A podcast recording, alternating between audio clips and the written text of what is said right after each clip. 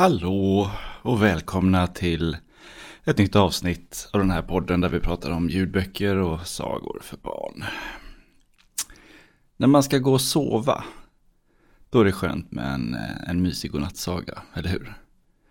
Men eh, ibland när man ska sova så kanske man inte riktigt känner sig så sovig, ni vet. Man kanske har lite spring i benen, lite kli i tårna, lite, lite flax i armarna och sådär.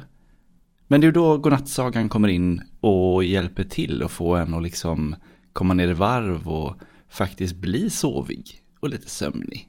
Och tycka att det är skönt att ligga där under täcket och mysa. Ja, så jag tror godnattsagor, det där, det är, det är bra grejer. Um, I det här avsnittet så tänkte jag att vi ska lyssna på uh, en del av min godnattsaga som heter Katten som inte kunde sova. I beskrivningen av det här avsnittet så hittar ni en eh, länk till en spellista på Spotify. Där hittar ni eh, Katten som inte kunde sova, men ni hittar också många andra mysiga godnattsagor som man kan lyssna på kväll efter kväll för att komma ner i varv och bli sådär sovig. Har ni andra bra tips om vad man kan göra när man ska gå och lägga sig? Ja, men jag har några, tänkte dela med mig av. Det ena är ju att liksom ha en rutin. Så att man vet, så att, man, så att kroppen vet, för den kan ju ha sitt eget liv ibland, men så att den vet att nu är det sovdags. Man kanske äter lite kvällsmat, man kanske slutar och tittar på skärm, man kanske gör så att det blir lugnt och tyst runt omkring en. Man kanske har någon rutin när man eh, sätter på sig pyjamasen. En del kanske duschar innan de går och lägger sig. Någonting som gör att kroppen vet att aha, nu är det sovdags. Det kan hjälpa. Okej, eh, den här eh, godnattsagan då som jag har skrivit eh, som heter Katten som inte kunde sova. Den handlar om en katt som heter Rufus som aldrig har lärt sig att sova. Men den handlar också om en eh, undulat som har flugit vilse. Men som tror sig veta hur man kan få den lilla katten Rufus att sova. Något som Rufus är högst skeptisk till, kan jag säga. Men eh, vet ni vad?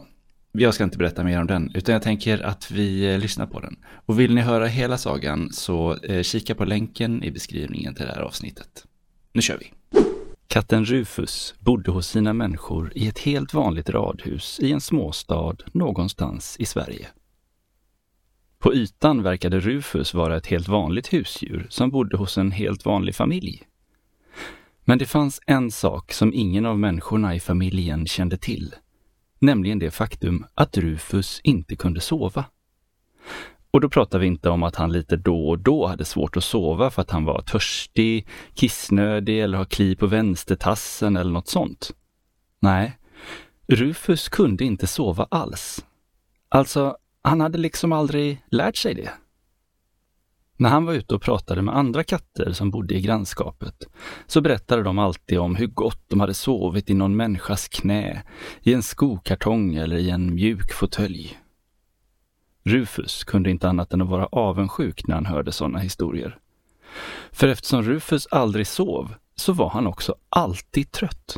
Han gäspade mest hela tiden, kändes det som. Och människorna i hans familj trodde nog att han sov eftersom han hela tiden låg och vilade. Ja, eftersom han var så trött. Han låg också i fåtöljer och i skokartonger och i knän, men inte somnade han för det. Och ja, det var inte så dumt att ligga där och vila heller, men för att bli pigg behöver man ju få sova gott och länge. Och det hade Rufus aldrig gjort, kändes det som.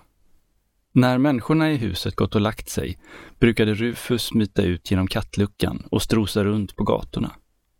Det var så lugnt och skönt ute på natten när alla människor låg och sov. Och eftersom katter överlag gillar att vara vakna på kvällen och natten stötte han ofta på en och annan vän som han kunde växla några ord med samtidigt som han gäspade. En del av hans vänner kunde ibland missta Rufus ständiga gäspande som ett tecken på att han inte uppskattade deras sällskap. Men alla visste förstås att Rufus var katten som inte kunde sova. Hade Rufus verkligen försökt att hitta sätt att somna då, undrar kanske du? Om han hade. Han hade fått så många olika tips att han snart tappat räkningen. Ät en halv burk tonfisk 33 minuter innan du går och lägger dig samtidigt som du flaxar med morrhåren. Lägg dig på rygg på en tjock matta och cykla med tassarna i luften och rabbla alfabetet från A till Ö. Lägg dig med nosen åt norr och svansen åt söder nedanför ett fönster. Ja, tipsen hade genom åren varit många, men ingen av tipsen hade fungerat. Numera hade Rufus bara kommit att acceptera det faktum att han var katten som inte kunde sova.